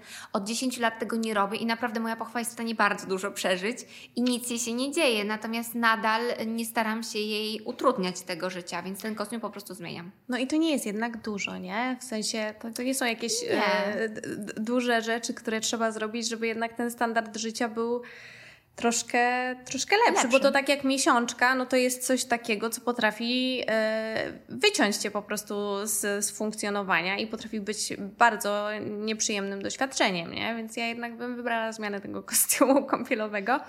E, ale czyli podsumowując, jednak w większości przypadków, bo nie, nie chcę generalizować, sprowadzałoby się to po prostu do niewłaściwej jakiejś tam higieny. Najczęściej tak, tylko że to nie znaczy, że jest jej za mało, tylko jest jej za dużo. Za dużo. Jest jej za dużo y, i często jest tak, że jak dobrze poleczymy się, to naprawdę to później właśnie zaklikuje, czyli później jest wszystko prawidłowe. Najczęściej. E, my tych pacjentek naprawdę mamy dużo. Też zawsze się śmieję, że my jesteśmy takim trzecim stopniem referencyjności. Jak już nic u pacjentek nie działa, nie to, działa. to jest z jednej strony cudne, jak my później dostajemy takie wiadomości, że super, jest lepiej, w ogóle inna jakość życia. Z drugiej strony jest to też bardzo stresujące, bo wiesz, jak jesteś, nie wiem, piątym czy szóstym ginekologiem e, i pacjentka mówi w pani ostatnia nadzieja, wiesz, no jest to dużo na Twoich barkach. E, no. Ale jak pacjentki chcą się nas posłuchać, e, to zwykle się udaje. Tak. No tak, to, to, to, ciekawy temat i zaraz też przejdziemy do tej e, medycyny estetycznej, bo to dla mnie bardzo też ciekawe. E, ale wróćmy jeszcze na chwilę do antykoncepcji, bo to jest taki temat, który też budzi wiele, wiele kontrowersji. Mam wrażenie, że się dużo zrobiło takiego złego PR-u. Mhm. Jak wiem z doświadczenia, jak wejdziesz w sławnego Google'a mhm. i wpiszesz nazwę leków antykoncepcyjnych, to nie wiem, czy istnieje taki lek, o którym przeczytasz coś pozytywnego. To są zawsze po prostu najgorsze możliwe scenariusze, że będziesz tyła, że będziesz humorzasta, będzie ci bolała głowa i tak dalej, i tak dalej. No to yy, nie namawiając oczywiście nikogo do, do antykoncepcji, ale tak trochę odczarowując, yy, to jest trochę chyba kwestia po prostu, jak ze wszystkim, odpowiedniego dobrania e, metody antykoncepcyjnej do pacjentki. Oczywiście, jak najbardziej. E, I rodzaju hormonu, czy on ma być, czy ona ma być właśnie dwuskładnikowa, czy, czy ma jedno. być jednoskładnikowa, czy ona ma być doustna, czy to ma być krążek, czy to ma być plaster, czy to ma być wkładka, którą kocham najbardziej. A Więc... o tej wkładce strasznie źle się właśnie mówi, nie? Duż... Na pewno źle się mówi po, po pierwsze dlatego, że boli zakładanie, tak jak rozmawiałyśmy, mm -hmm. więc mam nadzieję, że niedługo to będzie odczarowany ten ból w ginekologii. W każdym razie my testujemy w tej chwili Westebel właśnie e, te żele m, przeciwbólowe z dobrym skutkiem wydaje mi się, a m, więc to założenie jest często traumatyczne. Z drugiej strony daje Ci ogromną ochronę czyli długofalową. E, no, ostatnio nawet zwiększono na świecie rejestrację jednej z wkładki na, na 6 i 7 lat, więc to jest, wiesz, masz raz i zamiatane. Koszt też się robi wtedy niewspółmiernie mniejszy. No tak. E, raczej, pomimo tego, że ona ma hormon, to raczej jest to związane z tym, że nie działa ogólnoustrojowo, czyli to nie jest tak, że ten hormon działa tak jak hormon doustny. Natomiast ja uważam, a mamy bardzo niedawno antykoncepcję teoretycznie hormonalną, że to był y, rewolucja na skalę otrzymania prawa głosu przez kobiety, mm-hmm. bo możemy decydować o swojej płodności. Oczywiście ma swoje czarne strony i to też jest nie fair, że, że, że wiesz, ma. Że ma. E, niemniej jednak to też zawsze mówię, że gdybym dostawała jedną złotówkę za każdą wiadomość, pani doktor, czy ja mogę być w ciąży? I teraz wiesz, wszystko opisane, na przykład służyłam takim, tutaj na palcu był ejakulat, i wtedy moje pytanie jest takie, a stosuje pani jakąś metodę antykoncepcji? Nie. No nie. I to jest dla mnie największy taki dualizm, bo ja tego nie rozumiem. Może ja hmm. kiedyś, będąc młodą dziewczyną, miałam tak samo, że albo y, dajemy sobie bezpieczeństwo, Czyli takie naprawdę bezpieczeństwo, oczywiście nie stuprocentowe, no tak. ale dajemy sobie świadomość, że w tej ciąży nie będę i nie stresuję się przed każdą miesiączką, bo to też wracając do tej miesiączki, tak. to jest tak niesprawiedliwe, że wiesz, czy znasz jakiegokolwiek faceta, który odbył chciany stosunek z kobietą i on się zastanawia później przez najbliższe trzy tygodnie, czy ona będzie w ciąży? Nie, to tylko na nas spada. Tak. I wiesz, i sobie myślisz, a Boże, a, mo, a może jednak, nie, nie może, ale je, a, mo, a tak. może. I to jest koszmarne, więc to zawsze jest coś za coś u nas, u no kobiet. No tak. Więc wiadomo, tak, bo na pewno zapytasz o to, czy tyjemy w czasie antykoncepcji hormonalnej. Tak. Teoretycznie we wszystkich badaniach, że nie. Ale jednak trochę zaburza metabolizm yy, glukozy. Czasami zwiększa się apetyt. Czasami jest tak, że rzeczywiście czujemy się obrzęknięte. Czyli, że zatrzymuje wodę. Tak, i to wszystko jest raczej nie... Po... Wiecie, no ja, też jest świetne takie powiedzenie, że w medycynie jak w kinie wszystko jest możliwe. Czyli w HPL-u masz, że mm, mm, mm, a, a potem... później jednak. Ale z drugiej strony antykoncepcja może być szyta na miarę. I co prawda czasami pacjentki, jeżeli nie są dobrze poinformowane i nie ma tej, wiesz, takiej rozmowy z zaufaniem i ja mówię, Proszę Pani, bo zrobimy takie i takie badania. Na tej podstawie wydaje mi się, że fajnie by było, żeby Pani miała taką i taką, e, taki rodzaj antykoncepcji. I teraz chciałabym bardzo drukowanymi literami powiedzieć, że nie ma żadnego badania, które by nam sugerowało, jaki rodzaj antykoncepcji i jaką konkretnie firmę, markę wybrać. wybrać. Mhm. Czyli nawet jeżeli pacjentka przyjdzie z całym panelem hormonalnym, to raczej nie mamy takiego złotego standardu. Dodatkowe rejestracje, czyli tak zwana charakterystyka produktu leczniczego, mamy tylko związane, że pacjentka przychodzi z chęcią antykoncepcji i trądzikiem mhm. i na to mamy konkretny lek. lek. Resztę żonglujemy, pytając na przykład, czy właśnie bardziej ma Pani tendencję do obrzęków i tak dalej, przy braku przeciwwskazań do antykoncepcji, oczywiście hormonalnej. I wtedy jest tak, zaczynamy od tego, ale i pacjentce tłumaczę, dostaje Pani na 3 miesiące, czyli trzy opakowania, wykupuje Pani jedno, bierze Pani to jedno opakowanie, ale wiesz, z tym się trzeba trochę pobawić, tak? No, I mieć też kontakt z pacjentką. Bierze Pani jedno, jeżeli Pani się czuje ok, nie biorąc pod uwagę, czy Pani plami w międzyczasie, czy krwawi, przez trzy miesiące o tym w ogóle nie myślimy. Jeżeli czuje się Pani ok, wykupuje Pani kolejne dwa, po trzech miesiącach wracamy z tematem, czy czuje się Pani dobrze. Dobrze. Jeżeli przy pierwszej czuje się Pani fatalnie, można zaprzestać nawet w trakcie. To nie jest tak, że, że wiesz, musisz dobrać opakowanie. Oczywiście może to zaburzyć cykl, ale jeżeli czujesz się fatalnie, to ja nie powiem pacjentce, która ma zaburzenie nastroju mocne, że no niestety. No tak. Więc zaprzestaje Pani, idziemy na kolejną, e, kolejny rodzaj. Ja mam swoje ulubione i to nie wiąże się z tym, że mam jakąś big farmę, bo nie współpracuję z żadną e, marką e, i to też jest fajne, bo zawsze to tak jak trochę na Instagramie, choć oczywiście w ogóle nie mówię, że współpraca płatna nie jest fajna. Jest fajnie, że teraz to oznaczamy. Ja mam współprace płatne książkowe, e, więc nie, mam, nie mam takich współprac i przez to zawsze mogę pacjentce powiedzieć, że co ona no tak. zdecyduje, tak. to jest e, jej. Nie mam z tego żadnych niestety wyjazdów i tak dalej, ale właśnie daje mi takie dosyć duże zaufanie e, do, z pacjentką, z taką pacjentką. relację. Więc mam swoje ulubione, które już wiem, że działają, natomiast to też jest tak, że u kogoś zadziała fantastycznie, a ktoś tego produktu nie będzie lubił. I sobie tak idziemy. W pewnym momencie, jeżeli pacjentka twierdzi, dobra, yy, naprawdę nie chcę łykać tych tabletek, to najczęściej wchodzimy albo w implant, który też ma swoje czarne strony, czyli właśnie bóle głowy i plamienia. Mm ale daje Ci duże poczucie bezpieczeństwa przy bezbolesnym założeniu. No tak, bo nie musisz też pamiętać. Tak, albo wchodzimy wkład, we wkładkę i tutaj też chciałabym tu oficjalnie powiedzieć, że wkładki z hormonami są dopuszczalne dla dziewczyn, które nie rodziły. Okej, okay, to też e, ciekawa informacja i te pytania też się e, pojawiają. Ja jeszcze chciałam nadmienić ze swojego doświadczenia, że nawet ten sam lek, mam wrażenie, w różnych okresach życia antykoncepcyjne też może różnie zadziałać, Oczywiście. bo ja powiem Ci przed ciążą przez 10 lat brałam te same tabletki antykoncepcyjne i one były rewelacyjne. Ja nie miałam w ogóle żadnych skutków ubocznych, które bym przynajmniej zauważyła. A po ciąży, jak próbowałam na ten sam lek wrócić, to miałam takie stany depresyjne, y, że nie byłam w stanie funkcjonować, więc to też y, no, jest kwestia po prostu odpowiedniego odebrania i nawet dla tej samej osoby nie zawsze ten sam lek będzie dobry przez cały okres tak. Y, trwania, nie? Więc to też, to, też warto mm, powiedzieć. Mm, a taki temat, który jest trochę omijany, mam wrażenie, w sensie ta grupa kobiet, mam wrażenie, jest trochę taka zostawiona e, samym sobie, a mianowicie menopauza, bo to jest też taki mega ciężki czas, w sensie mogę tylko mówić e, z przypuszczeń, no bo mhm. jeszcze, jeszcze nie przechodziłam, ale z tego co słyszałam, kiedy warto zastosować terapię hormonalną przy, przy menopauzie? Dużo jest protokołów i standardów.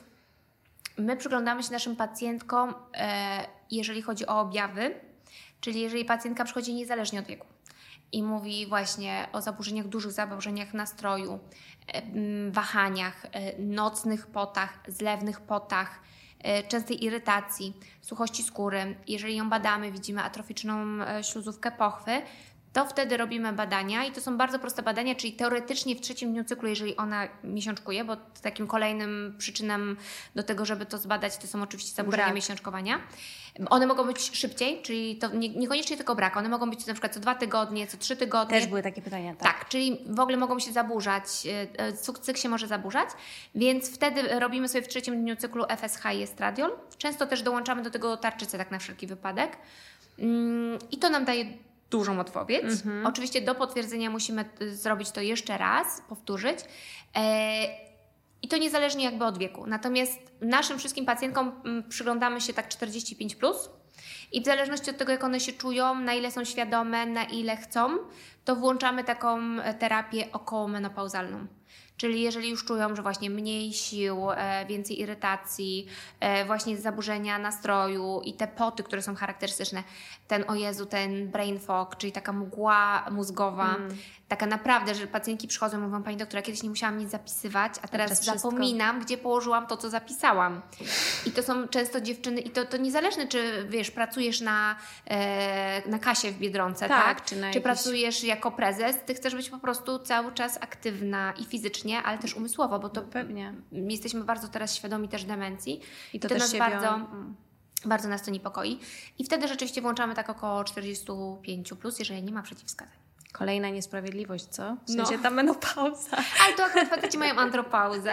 My na szczęście praktycznie całe życie jesteśmy aktywne seksualnie, o ile nie ma suchości i, i jesteśmy w stanie zrobić zabiegi yy, i żeby ta pochwa działała. No a umówmy się, penis nie zawsze działa. To chociaż, to chociaż coś. Ja tu jako ciekawostkę muszę powiedzieć, że to, to, co mnie zawsze pocieszało, kiedyś pisałam taki fajny artykuł na temat, e, on w końcu się nie ukazał, na temat seksualności mężczyzn, ale w większości badań wychodzi, że szczyt możliwości seksualnych facetów to jest 22 rok życia. Kurde, no. Spojrzałam na mężczyzn. Więc... To już e, przeminęło Ale autentycznie 20... 22 rok życia. E, I dlatego tak wiesz, się mówi dużo o tych kukułażycach, które mają lat 45 i 50. I to mają, wiesz, no to one nie tak. szukają pana, który ma lat 70. A to wszystko wyjaśnia. Tak, tak. I to jest w ogóle to jest niesamowite, jak to jest dobrane. Rzeczywiście starszy facet z młodą kobietą, bo kobiety też nie są takie młode, świadome swoich potrzeb. No, ale to tak później się tak krzyżuje i się zmienia, nie? Czyli trochę tej sprawiedliwości jednak. Trochę jest. Trochę jest. Trochę jest, trochę jest. No to dobra, to porozmawiamy też chwilę o sek- seksie, bo pojawiły się pytania, a ty trochę o tym wspomniałaś przy okazji endometriozy. Taki mm, dość, dość popularny problem, no to jest ból podczas mhm. y, stosunku. Jeżeli to nie jest kwestia endometriozy, choć może być, to co może być jeszcze przy, przyczyną i co można w tym temacie zrobić? No bo to potrafi, że tak powiem, zniszczyć życie seksualne Oj, par. Tak. To jako tutaj ciekawostkę, w cudzysłowie powiem, że bardzo dużo dziewczyn do nas przychodzi z bólem, ale one nie są, znaczy one sobie nie uświadamiają, że to jest ból, tylko one twierdzą, że nie mają libido. Okej. Okay. E, I to jest taki klasyk. Czyli jak pacjentka przychodzi i mówi, że nie ma ochoty współżyć, to ja muszę się zapytać, czy ten e, seks jest przede wszystkim satysfakcjonujący, bo on może być też obojętny, ale czy też boli mnie boli siłownia i dlatego chodzę na nią, wiesz, z płaczem w oczach i pewnie też nie miałabym libido w kierunku siłowni. I to też jest, to jest taki bardzo dobrze zobrazowane. I dziewczyny, wiesz, jakoś sobie to tu jakby nie łączą tych kropek, tylko uważają, że właśnie im się nie chce. No jak coś boli, no to kurczę, no nie chce Ci się no tak? tak? Mm, z drugiej strony jest to ogromny problem, dlatego że czy na Instagramie, e, czy w ogóle w naszym gabinecie, no w naszym gabinecie to praktycznie większość pacjentek, bo one już przychodzą po dłuższych diagnozach, załóżmy. Ale na Instagramie, jak się pytam, to zwykle to jest między 30 a 40% dziewczyn doświadcza bólu w czasie seksu. No to bardzo To nie dużo. jest zachęcające, tak? Mm. Umówmy się. Ja jako mężczyzna też nie chciałabym współżyć z kimś, kogo to boli, ale często też dziewczyny nie mówią. To nie jest tak, no tak, że facet, wiesz, współżyje, świadomy z tym, że dziewczynę e, boli. Tak. Dużo przyczyn. Endometrioza oczywiście, chociaż to nie jest taki pierwszy klasyczny pierwszy. Mhm. przykład. Najczęściej jest to suchość i suchość nie jest związana tylko z menopauzą. Suchość może być związana z antykoncepcją hormonalną, mm -hmm. niestety, i z okresem laktacji, która czasami u dziewczyn potrafi trwać, wiesz, długo. Długo, tak. E, prolaktyna, spadek estrogenu, często to i jeszcze do tego masz właśnie ten maminy mózg e, i jeszcze niewyspana jesteś i to, wiesz, i Nakłada. właśnie o to chodzi, że dziewczyny tego w sumie nie łączą. Mamy bardzo proste na to rozwiązanie. E, różnego rodzaju leki, które powodują suchość. Nawet leki antyhistaminowe, przecież o tym się nie mówi, tak? Leki typu SSRI, przecież antydepresyjne, one w ogóle obniżają libido, możliwości w ogóle orgastyczne i tak dalej. E, różnego rodzaju przepięcia mięśniowe, czyli tego, co znowu do tego wracamy. Nie mamy instrukcji obsługi kobiety, więc my tak, wypieramy mocze, nie powinniśmy. My powinniśmy tylko otworzyć cewkę moczową. Mhm. Więc dlatego tak dla mnie ważny jest w ogóle urofizjoterapeuta. urofizjoterapeuta tak. E, u nas Kasia, która pracuje z dziewczynami, dlatego że no jeżeli przepinasz mięśnie albo właśnie masz nieprawidłowe napięcie, to często jest tak, że po prostu dziewczyny są zaciśnięte i, i to po prostu boli, mhm. tak? Musisz umieć się tego rozluźniać. Y, dużą grupą u nas, która się zgłasza i też chyba dlatego, że jesteśmy właśnie takim centrum referencyjnym, to są dziewczyny z pochwicą.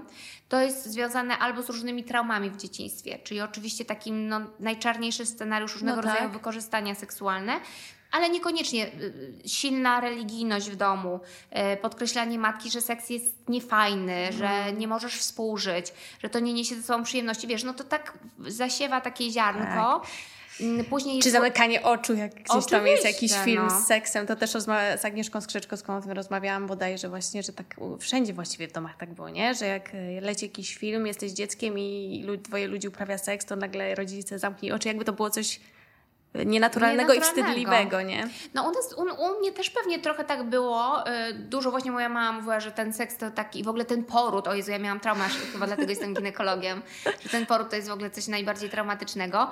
Ja szczęśliwie u rodziców znalazłam w bibliotece, bo myśmy, ja w ogóle zawsze byłam dzieckiem czytającym i pewnego razu znalazłam Wisłocką. I znam ją po prostu na, na pamięć. pamięć. I pamiętajcie, że Sztuka Kochania to nie jest film, oczywiście film się tak nazywa, ale to jest fantastyczna książka, która nadal oczywiście ma bardzo duże takie podłoże podłoże anatomiczno-fizjologiczne.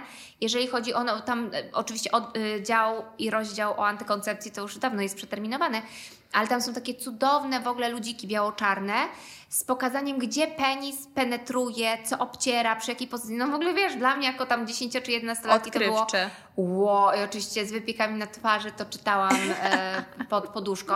I ja się zawsze też śmieję, że wszystkie moje laski, e, znaczy lalki Barbie, to normalnie seks uprawiały wszędzie. Regularnie. Serio, po prostu ja byłam dzieckiem, które uważała, że ten seks to się uprawia w ogóle wszędzie.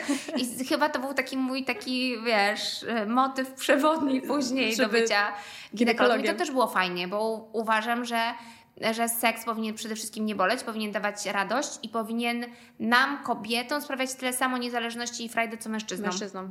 I dlatego tak bardzo kocham Samantę z Seksu w Wielkim Mieście, Ach, bo ja ona też. jest w ogóle moim największym e, idolem. Dlatego już nie oglądam tych nowych O ja też nie. W ogóle tam, wiesz, wszystko się... Nie, w ogóle nie oglądam telewizji, ale ten, wiesz, ja potrafię do niego wrócić tak. i oglądać, bo ona była tak super... Wyzwolona Wyzwolona. A dużo kobiet jest taką Charlottą, nie? Która w ogóle nie mówi tak, w ogóle. Tak, nic w ogóle na ten temat. E, no ale czyli jeżeli mamy takie właśnie jakieś problemy z bólami, to można też sobie e, pomóc w, w sensie, czy to jakiś, e, nie wiem, lubrykantów? Czy, czy lepsze będą leki? Znaczy, jeżeli jest, jeżeli jest suchość, to lubrykant ok. Jeżeli macie tendencję do infekcji, to powinien być bez gliceryny. Okej. Okay. To jest dosyć istotne. Ważna informacja. Y, natomiast y, są leki, które można stosować. Oczywiście i leki hormonalne i niehormonalne. Mamy teraz w ogóle nową grupę leków bardzo fajną, y, tak zwany prasteron, który działa też bardzo fajnie właśnie na, na suchość. Natomiast one działają tylko wtedy, jeżeli je używasz. I stąd właśnie ta cała nasza gałąź ginekologii estetycznej, która zawsze, to powtarzam, jest w ogóle bardzo krzywdząca, to, że jest nazwa estetyczna. Tak. Bo ten wygląd to jest na końcu, no bo tak. w medycynie estetycznej wygląd też jest ważny, ale działamy przeciwstarzeniowo też. Natomiast w ginekologii ona powinna się nazywać, nie wiem, funkcjonalna, regeneracyjna. No bo to tak jak z tym botoksem. Tyle po prostu, ile ma zastosowań już w dzisiejszych czasach botoks e, takich, e, które Leczniczy. w ogóle nie dotyczą. Tak, tak. To, to, to Ola Ziarek mówiła a propos e, migren. Mhm. E, moj, moja siostra na przykład miała botok w związku z jakimś tam e, z żuchwą, z żuchwą tak? problemami, z więc to naprawdę e, nadpotliwość, jakby cała masa tutaj, całe spektrum, to nie tylko chodzi o jakieś tam zmarszczki i potem... Ale oczywiście u nas w ginekologii też w pochwicy dajemy toksynę botulinową, żeby właśnie pacjentki nie zaciskały i to jest i terapeutyczne, ale też działa fajnie na, na świadomość pacjentki, że ona jest w stanie ten, ten mięsień puścić po prostu. No tak, trochę też takie placebo, nawet jakby w sensie tak, tak długo jak to działa, to to, to właśnie też chodzi o taki aspekt pewnie psychologiczny, nie? Że, Jak że, najbardziej. że wie, że coś jest, co jej, co jej pomaga. No a drugi taki problem, e, myślę równie popularny, to jest orgazm, bo mm -hmm. zostało mi zadane pytanie i aż mi się tak strasznie przykro zrobiło, jak je przeczytałam, e, że mm, jakby pytanie brzmiało, że nigdy, nigdy nie doświadczyła ta mm -hmm. dziewczyna czy kobieta e, orgazmu z partnerem, co mhm. insynuuje, że pewnie sama jest w stanie sobie e, ten orgazm zapewnić. E, I myślę, że to jest taki też, też dość popularny mm, problem. Bardzo. Mm. Bardzo, ale to też zrobił nam Freud bardzo dużo krzywdy, no bo on podzielił tak nieszczęśliwie ten orgazm pochwowy łechtaczkowy. I my absolutnie nie wierzymy, że jest inny, mm. ale zaraz Wam to, to jakby szybko zobrazuję, więc tak. Orgazm, ten tak zwany pochwowy, czyli z penetracji, on nadal jest e, z, z łechtaczki, dlatego że łechtaczka siedzi takim jakby okrakiem, jest takim jeźdźcem na pochwie od góry, jak sobie tak wyobrazisz. Mhm. To, co my dotykamy i to, co widzimy, co możemy odsłonić kapturkiem, to jest taki wierzchołek góry lodowej i to jest tylko taki fra fragmencik, taka jedna 15 łechtaczki. Łechtaczka później idzie sobie jakby taką prostym takim łukiem i właśnie e, okrakiem siedzi na pochwie. I przy stymulacji przedniej ściany pochwy rzeczywiście jesteśmy w stanie ten orgazm wywołać, nie u wszystkich e, mhm. kobiet. Jak wstawiam to na Instagramie, to najczęściej dziewczyny, które mają orgazm zawsze z penetracji, bez dotykania łechtaczki, to jest około 10%, czyli bardzo mało, mało, nawet mniej. Bardzo. Także sporadycznie to załóżmy dobijemy do 30%, to jest w ogóle maks. Zwykle 70-80% kobiet bez stymulacji łechtaczki nie ma w ogóle takiej opcji. To, że one czasami mają, to na przykład spojeniem łonowym partner ociera się o tą łechtaczkę, a w ogóle to, co ja zawsze mówię moim pacjentkom i co w ogóle działa fantastycznie, to wszelkiego rodzaju stymulację łechtaczki w czasie penetracji. Jeżeli kiedyś tego nie spróbowałyście, to musicie, bo ten orgazm jest zupełnie inny. inny. Czyli orgazm e, polega na tym, że z odpowiednich nerwów, czyli ze stymulacji łechtaczki, zaciskają się mięśnie bardzo pulsacyjnie i to jest od nas niezależne, tak? Mm. Zaciskają się mięśnie właśnie w okolicy, no mięśnie na miednicy. I jeżeli te mięśnie zaciskają się na czymś, czyli w czasie penetracji, albo jeżeli macie dildo, albo penisa w środku, to ten orgazm jest dużo bardziej intensywny, dlatego że one się zaciskają na czymś, więc wiesz, okay. jest i zresztą płynie też z trochę innych jakby nerwów. E, jest taki bardziej spełniający. E, I mamy mnóstwo gadżetów, czyli jeżeli na przykład ten dotyk partnera w czasie, no bo wiadomo, że facetowi trudno jest na przykład skupić się na ruchach frykcyjnych, jednocześnie na odpowiedniej stymulacji łechtaczki. Wiadomo, przecież faceci jak, wiesz, coś robią i gadają, to przestają tak, robić, nie? Dwie rzeczy naraz. to już jest za dużo. To albo sama może dziewczyna stymulować, Albo jest mnóstwo fajnych gadżetów, które są odpowiednio zakrzywione i normalnie bierzesz sobie taki gadżet wibrujący albo dmuchający, mm, niekoniecznie musi właśnie wibrować, do łechtaczki i po prostu robimy sobie orgazm dotykając łechtaczki jednocześnie w czasie stymulacji. I to jest najlepsze. Pewnie masz gdzieś takie y, pokazane, mam, nie? U siebie mam, na Instagramie. Mam, mam. Dobra, to już to, I to działa zero można sobie zobaczyć. I chciałabym powiedzieć właśnie dziewczynom, że zamiast się frustrować, że nigdy tego orgazmu nie miały, trzeba ja w ogóle mam taką myśl, tylko nie wiem, czy zrobię to w lipiec czy sierpień. W zeszłym roku robiłam takie lato przyjemności w sierpniu. I e, przychodziłyśmy, tam było chyba osiem takich wyzwań, właśnie między innymi porozmawianie z partnerem, bo to jest w ogóle niesamowite, że to jest tak. najbardziej taka intymna jakby część naszego współżycia, nie? E, a my z partnerem nie, nie rozmawiamy, rozmawiamy, co lubimy, co i tak dalej. I kurczę, umówmy się, no, no nie bądźmy tą księżniczką na ziarnku grochu, no bo skąd on może wiedzieć, skoro my się uczyłyśmy swojego ciała same, długo i wiemy, co lubimy, jak lubimy, bla, bla, bla, to jest dużo lepiej facetowi po prostu powiedzieć, albo partnerce, tak, w ten sposób, tak nie, a my tak lubimy, wiesz, domyśl się, nie? To takie to, kobiece. No tak, tak. To, to, to, to na pewno i w ogóle rozmowa to powinna być kluczowa, a myślę, że generalnie z tymi rozmowami to różnie bywa. Ale tak sobie myślę, że to jest trochę też wina, e, zrzucę winę na coś albo na kogoś, filmów, w mhm. których się pokazuje, że ta kobieta za każdym razem praktycznie w trakcie seksu ma e, orgazm i to mhm. w ogóle w pozycji na misjonarza ona tam nic nie robi i, tak, i szczytuje. I ma... sekundy jeszcze. Tak, i może mamy po prostu potem takie trochę wrażenie, czy nawet się boimy, że my jesteśmy trochę dziwne, bo, bo my tak nie mamy, nie? W sensie patrząc na to, jak właśnie gdzieś tam w każdym filmie po prostu ten orgazm powinien przychodzić tak e, tak łatwo, nie? Że to, a to, to też wymaga jakiejś pracy i edukacji Ale i siebie i partnera. Nie? I też nie za każdym razem. Znaczy, no chyba, że działacie na, na łechtaczkę, no to wtedy za każdym razem. Dlatego uważam, że, że właśnie warto o tym pogadać i robić tak, żeby za każdym razem być spełniony, no bo frustracja narasta, tak? Pewnie. E, po pierwsze, nie powinno się rozmawiać w trakcie tego seksu na zasadzie albo ty zawsze, albo ty coś tam, albo bo ty nie potrafisz, a albo inny ty to nigdy. potrafił, nie? To już w ogóle najgorsze, to jest takie kastrujące dla faceta. Zresztą dla kobiety tak też. samo. Mm, film zawsze pewnego rodzaju jest fikcją. Tak jak dziewczyny budzą się w pełnym makijażu, no umówmy tak, się, jak tak? skowronki, tak. Więc y, fajnie, że my coraz częściej o tym gadamy. Niefajne jest to, że kobiety też często kłamią. Wiesz, Mam nawet wrażenie, koleżankom. że bardzo często kłamią. Nawet koleżankom, no coś to ja tam nie mam, bla, bla, bla i no nie wiem po co my to robimy. E, a umówmy się, y, właśnie my chciałybyśmy podobnie jak faceci i bardzo mi się to podoba w nowym pokoleniu, że one są takie świadome, dobra, ty miałeś orgazm, ja też miałabym orgazm, to ty teraz musisz stanąć na rzęsach i ja muszę mieć Ja ten muszę. orgazm. I to jest super, tak? Bo nasze pokolenie w pewnym momencie dało przyzwolenie facetowi, że on na początku się stara, Tak. za każdym razem nie wychodzi, my mówimy, dobra, to odpuszczamy i no trochę go do tego przyzwyczailiśmy, tak jak do, nie wiem, do niewynoszenia śmieci i tak Mhm. dalej. Mój mąż pewnie parsnął z śmiechem, bo on zawsze wynosi śmiech. Ale jest coś takiego, że my odpuszczamy albo o, udajemy orgazm.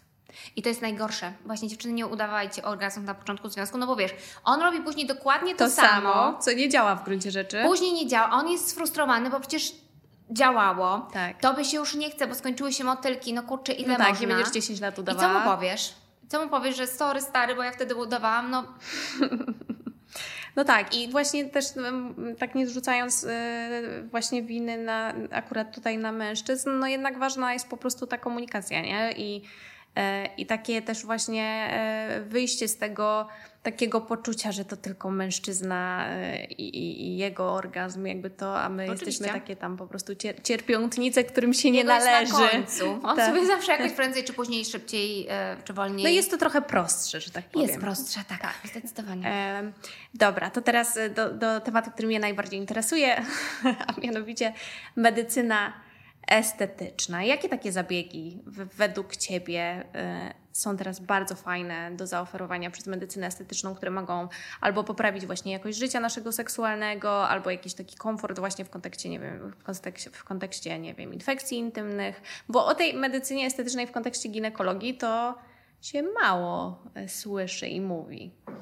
Na pewno, na pewno, chociaż coraz więcej my na przykład jako, jako klinika w ogóle się nigdzie nie pozycjonujemy. Mamy oczywiście swoją stronę internetową, natomiast y, nie mamy żadnych tych AdWordsów, Hmm. reklam i tak dalej. Wiadomo, że siłą nośną informacyjną jest Instagram, to na pewno, ale z drugiej strony wydaje mi się, że jednak najczęściej pacjentki mówią, że są z polecenia. Czyli pacjentka, pacjenty, tak jak Czyli taka, e, taka Jak tak. Więc to, i to jest okej. Ja w ogóle absolutnie się tutaj nie, nie obrażam z, z tym porównaniem. Uważam, że jest fantastyczny, dlatego że marketing szeptany, Nie no, czyli super, że ja to byłam, najlepiej o tobie świadczy właściwie. że ja byłam i, i się udało. I najczęściej są to pacjentki tak, jeżeli chodzi o infekcje, to rzeczywiście osocze jest takim naszym klasykiem. E, To jest duże uproszczenie, bo jest i diagnostyka, i postępowanie i tak dalej, więc tutaj wyrzucam tylko po prostu konkretne, gotowe rozwiązania jeżeli nie ma do nich przeciwwskazań. I to robimy najczęściej. Jeżeli chodzi o orgazm, to też najczęściej robimy osocze. Osocze podajemy w łychtaczkę, to wydaje się być bolesne, bo jest trochę, ale rzeczywiście działa zero-jedynkowo. Mamy pacjentki, które przychodzą na przykład z nawracającymi infekcjami dróg moczowych. Podajemy bardzo podobnie, tak jak na orgazm, y, osocze. I zawsze pacjentki pytam, czy jednocześnie chciałaby podać w łychtaczkę dla poprawie orgazmów. I część dziewczyn się decyduje, raczej większość się decyduje. No bo oczywiście tym stoperem jest to, że to boli. Ale jak się dziewczyny decydują, to później e, często wracają po roku na leczenie przypominające. I ja się pytam, i co, podajemy łychtaczkę? No tak, to przyszłam. Więc ta łechtaczka działa. Ona przez trzy tygodnie jest taka trochę drętwa, ale później rzeczywiście jest intensywniej, łatwiej i szybciej. Ja tylko nadmienię, że mamy 2 lipca mężu rocznicę ślubu, to jest taki A, dobry moment na prezent. Prezent. No właśnie vouchery u nas się bardzo dobrze sprzedają. E, głównie w czasie e, takim e, oczywiście świątecznym, ale ja mam mnóstwo takich ciekawych właśnie historii, jeszcze zanim Ci powiem o tym, na przykład miałam jedną panią, która przyszła do mnie na zabieg konkretnie z laserem, bo powiedziała, że była jej przyjaciółka powodu nietrzymania moczu, bardzo jej to pomogło. Ona nie miała takich klasycznych nietrzymania moczu, ale często chodziła z mężem mm, na biegówki e, i jak trochę zmarzła, jeszcze trochę się napiła, no to mówi, że był problem, bo od razu parcie na mocz, e, gubienie tego moczu. No mówi, że no masakra. No i przyszła na ten zabieg i dopiero przy drugim zabiegu, bo przyszła na jeden, później przyszła na jakiś inny, bo mm, właśnie zaraz, żeby tutaj nie spalić. I mówi tak, jak przychodziłam do pani na pierwszy zabieg, no to powiedziałam mężowi, że idę, no bo tydzień w ogóle jesteśmy bez seksu, no oczywiście to jest jakiś tam budżet tak. na to poświęcony i tak dalej, i tak dalej. I jakby reakcja mojego męża była następująca. Kryśka, oczywiście zmieniam imię, czy ty nie możesz być jak inne dziewczyny? Ja ci mogę dać na botoks, czy ty musisz sobie grażynę ostrzykiwać, nie? I tak dalej.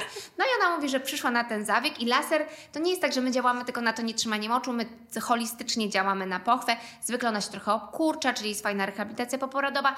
Ona się uwrażliwia, więc i jest właśnie wilgotnie, nie ma suchości. Jednocześnie po prostu mm, jakby zero-jedynkowo, że chcesz współżyć, nie? Jasne. No i ona powiedziała, że tak się wydarzyło, że po pierwszym seksie było na tyle fajnie, że kolejne oczywiście zadziałało też na te parcie naglące, ale mówi, że zaczęliśmy częściej współżyć, no bo było fajnie, nie? Mm. I mówi, że po jakimś tam miesiącu przyłapała męża, który siedział na naszym cenniku i tak mówi, a zobacz, tu jeszcze tak osocze jest radiofrekwencja. Ona mówi, co, już nie muszę być jak normalna Grażyna. On mówi, nie, możesz sobie ostrzykiwać. Więc to było jedno, a drugie to było, mm, że ściągałam pacjentki na, e, robiłam mm, taki wykład za granicą i potrzebowałam zdjęć, zrobić pewne zabiegi. I jedną moją stałą pacjentkę ściągałam ze Szczecina, i mówię, czy chce Pani przyjechać na ten zabieg, który już się Pani kiedyś podobał e, i on wtedy jest po prostu zupełnie inaczej wyceniony, a ja sobie go nagram. Pewnie. A mówi, no pewnie. I mówi, że całą drogę mąż ją marudził, że ze Szczecina, że czy bliżej, wiesz, ginekologa nie może być i w ogóle, co ona wymyśla. No i później było dokładnie tak samo, czyli było przyjemniej, fajniej, częściej, nie? I nagle mąż też. I później dostałam takiego SMS-a, SMS od męża. Kocham Panią, przywiozę ją zawsze wszędzie. I czasami dostajemy w ogóle czekoladki od mężów albo kwiaty. Panowie często właśnie do nas przyjeżdżają, bo dobrze jest, dobrze no jest. Tak. Nie, no bo wiesz, no to działa na związek, Oczywiście, tak? że tak. Przecież nie ukrywajmy, ale to może być taka rzecz, znaczy pewnie często jest, która powoduje, że te związki się rozpadają i... Nie, no oczywiście, że a tak. A przez to, że jest trochę jeszcze cały czas takim tematem tabu i pary też na ten temat nie zawsze rozmawiają, no to, to rzeczywiście to takie zostaje trochę zapomniane. Mamy panów, którzy inicjują właśnie wizyty u nas i to jest y, bardzo fajne, więc suchość to laser, to jest tak zero-jedynkowo, niezależnie z jakiego powodu jest suchość, ból to raczej laser. A to nie trzymanie moczu, bo y, z racji branży, w której y, my pracujemy, to bardzo często pojawia się pytanie dotyczące nietrzymania moczu w trakcie treningu. Często to są panie, mhm. kobiety po porodzie po prostu. Mhm. E, to co, co tutaj można ewentualnie stosować? No to zawsze oczywiście konieczne jest badanie. Musimy zobaczyć e, jakie, jak jest zaawansowane, jak często występuje, dlatego żebyśmy Panią dobrze sklasyfikowali i zakwalifikowali do leczenia. Oczywiście mamy też leczenie operacyjne, czyli zwykle jest to założenie taśmy i one mogą być absolutnie przeprowadzane na NFZ, czyli bezpłatnie, ale dużo kobiet, właśnie jak sobie wygoogluję, to nie chce taśmy, dlatego że yy, nie zawsze, ale wiążą się z pewnego rodzaju powikłaniami. Też nie działają stuprocentowo. Wiążą się z tym, że musisz yy, poddać się operacji, tam czasami do trzech miesięcy jesteś wyłączona z życia. One czasami potrafią erodować, yy, czyli jakby wejść do pochwy mm. i uniemożliwiać stosunek. No i oczywiście nie są dla młodych dziewczyn, więc jak dziewczyny do nas przychodzą i my robimy całą diagnostykę i mówimy, dobra, to może jednak operacja, to one chcą spróbować wszystkiego zanim. Tak, zanim.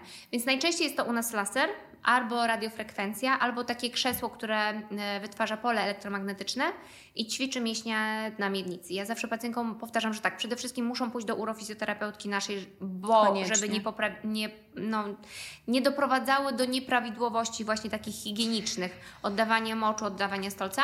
Musi być rozsądny trener, no bo umówmy się, że w czasie nieprawidłowego treningu też te mięśnie możemy Oczywiście. nadwyrężyć, czy tam nieprawidłowe brzuszki, e, głównie, no bo my jesteśmy takim balonem, tak? I e, mięśnie przykręgosłupowe, one się nie ruszą przy zmianie ciśnienia, przepona też raczej nie. nie. E, więc jak wciągniemy nieprawidłowo ten brzuch, no to całe ciśnienie idzie wtedy właśnie w dół, czyli w mięśnie na miednicy. No i oczywiście zawsze mówię, że jednak trampolina i pajacyki to nie jest coś, co jest mm, dla nas najlepsze, nie? nie? Ale pomimo tego mamy bardzo dużo sukcesów i część dziewczyn, które chcą robić te pajacyki, chociaż trampoliny to mówię, że absolutnie nie, ale chcą robić te pajacyki, to później jest lepiej, ale też jest taki komfort, bo mówią, jak, jak po laserze, jak się wysikam, to praktycznie nie ma problemu, bo czasami jest tak, że dziewczyny właśnie tłumaczyły, nawet jak się wysikam, to gubię ten mocz i tak dalej. Jest po prostu dużo lepszy komfort. komfort. Nie ma tych parć naglących, nie wstają w nocy często. No i właśnie tego moczu często nie gubią. Naprawdę jest poprawa jakości. To nie jest tak, że schodzi to do zera. ale jest dużo lepiej. Ja to tylko tak nadmienię, że w ogóle urofizjoterapeuta to powinien być w trakcie ciąży jak ginekolog, taka no. obowiązkowa właściwie wizyta, bo, bo jest e, no, może nie tak samo ważna, ale prawie tak samo ważna jak, jak wizyty u, u ginekologa, szczególnie w trakcie, w trakcie ciąży. Um, czy jest coś, co ty uważasz jako ginekolog um, za ważne, o czym dzisiaj nie rozmawiałyśmy, co jeszcze warto powiedzieć osobom, które nas dzisiaj słuchają? Oj, na pewno. Przede wszystkim, żeby się badać regularnie. To jest taki, taki tip, żeby dbać o tą swoją właśnie intymność, bo to też jest bardzo istotne. To, że niestety jest mi przykro, że te wszystkie mm, badania i, i leczenie w sumie jest odpłatne, mhm. chociaż nie powinno, uważam, że powinniśmy dostawać taki pakiet y, mami makeover, Y, nie tylko operacyjnie, ale przede wszystkim właśnie takie powrotu do funkcjonowania, jeżeli chodzi o, o pochwę. No ale biorąc pod uwagę, że wiesz, wydajemy na paznokcie, wydajemy na rzęsy, wydajemy na fryzjerów i tak dalej, da się to po prostu przepracować w jakiś sposób, albo po prostu też w budżecie w jakiś sposób właśnie zabudżetować i porozmawiać z partnerem.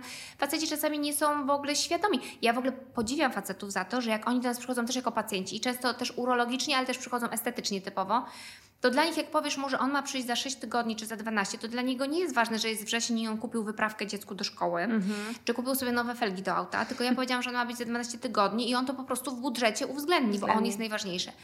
A ja bym chciała, żebyśmy my, kobiety, się nauczyły, że my też jesteśmy ważne. ważne. Że to nie jest tak, że jest dziecko, partner albo co on powie.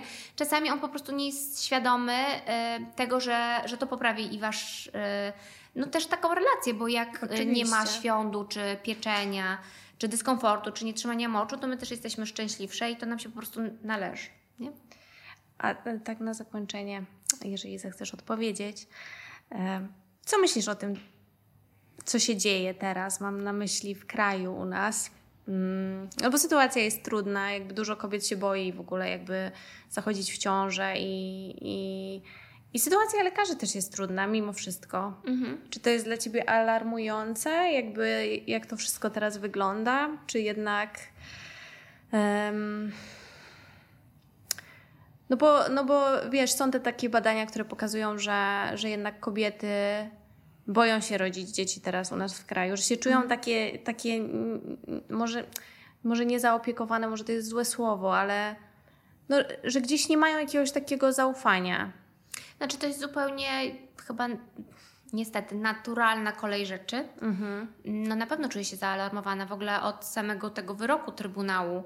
E, stąd jakby założenie fundacji i, e, i nasza No właśnie, fundacja, bo ty masz fundację. Tak, nasza fundacja jeszcze przepisuje bezpłatnie receptę na antykoncepcję awaryjną. E, to kosztuje konkretnie 5 zł, jeżeli chodzi o te wszystkie operacje, ale masz ją 24 godziny na dobę dostępną. Dostajesz właśnie taką receptę i możesz sobie wykupić.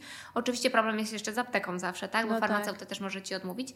No ale właśnie dlatego założyliśmy tą fundację, bo jesteśmy jedynym krajem w Europie, gdzie antykoncepcja awaryjna jest na receptę, a lek y, na erekcję dla panów jest bez recepty. Okej, okay, tak. to widzisz, to nawet nie, nie miałam To jest w ogóle hit.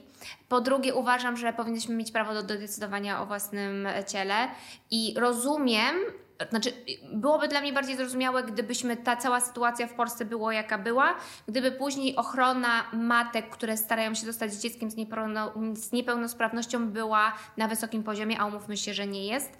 I posłowie nawet nie wyszli, jak dziewczyny protestowały, wiesz, do nich. Więc ja rozumiem, że ty masz urodzić to dziecko i tyle, tak? Na sztukę, taką sztukę. E, uważam, że powinniśmy mieć dostęp do, do pełnej diagnostyki prenatalnej, do decydowania o tym, czy chcesz to dziecko urodzić, czy nie. I to jest jakby naturalne na całym świecie, tylko u nas niestety nie. I to właśnie się zupełnie w drugą stronę odwraca, że to nie będzie więcej tylko Polaków, mniej. tylko mniej. Z drugiej strony na pewno to, że jest mniej w tej chwili um, urodzeń wynika z tego, że dziewczyny w ogóle są bardziej świadome siebie. Nie każda kobieta Pewnie. chce być matką. Ja bardzo długo nie chciałam. I ja to bardzo, bardzo szanuję. I jak rozmawiam z moimi koleżankami, dużo moich koleżanek nie chce. Jasne. E, I nam się, w naszym pokoleniu się wymawiało, że to jest taka normalna kolej rzeczy. Tak, ślub, dziecko i tak a dalej. A teraz trochę się wymawia, że jest nienormalna, a też niekoniecznie tak jest. Oczywiście, każdy powinien o tym sam zdecydować. Nie uważam, że powinniśmy terminować ciążę do, do końca, tak? No jasne. Ale powinniśmy mieć absolutnie dostęp do pełnej opieki prenatalnej i do możliwości aborcji i mam nadzieję, że to się tak tak. niebawem zmieni. Ja tylko jako ciekawostkę e, a propos tego, o czym rozmawiałyśmy też przed nagraniami, to wspomnę, że nawet w Emiratach Arabskich Oczywiście, antykoncepcja przecież... była, słuchaj, przynajmniej jak ja tam mieszkałam, być może teraz już się coś zmieniło, była bez recepty. W, w krajach, w których e, wiesz, e, no jednak się przynajmniej tak uznało, że, że kraje arabskie są dużo bardziej konserwatywne, tak? W dużym stopniu tak, ale z drugiej strony duża właśnie taka możliwość decydowania później, czy chcesz to dziecko mieć, czy nie, no to tak, to tutaj jest mm, zupełnie inaczej niż u nas. No dobra, ja się e, bardzo cieszę, w ogóle się strasznie dużo z tej rozmowy sama nauczyłam. E, mój mąż zaraz weźmie do ciebie numer i, i do twojej kliniki, żeby wykupić voucher. E, I też mam nadzieję, że to nie jest ostatnia nasza rozmowa, dlatego że myślę, że tutaj każdy poszczególny wątek można by jeszcze dużo bardziej rozwinąć i na pewno jeszcze na inne różne ważne tematy porozmawiać. Także ja w imieniu swoim i naszych słuchaczek i słuchaczy e, dziękuję bardzo. Ja też bardzo dziękuję za zaproszenie, było mi bardzo miło i w ogóle takie ładne miejsce przy okazji odwiedziłam. Dziękuję Ci bardzo. Dzięki.